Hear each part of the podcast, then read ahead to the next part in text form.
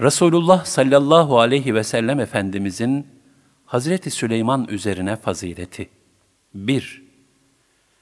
Rüzgarlar Süleyman aleyhisselamın emrine verilmişti. Resulullah sallallahu aleyhi ve selleme ise büyük küçük bütün melekler hizmet etti. 2. Süleyman aleyhisselam bir günde iki aylık yol giderdi. Resulullah sallallahu aleyhi ve sellem Efendimiz Miraç gecesi bir anda arşa çıktı. 3. Süleyman aleyhisselama kuşlar gölge yapardı. Resulullah sallallahu aleyhi ve selleme ise bulut gölgelemekteydi. 4. Süleyman aleyhisselamın mührü altında bütün mahlukat hizmet için toplanmıştı. Kıyamet günü bütün enbiya, evliya, şüheda ve suleha, Resulullah sallallahu aleyhi ve sellemin Liva-i Hamd adlı sancağı altında toplanacaktır. 5.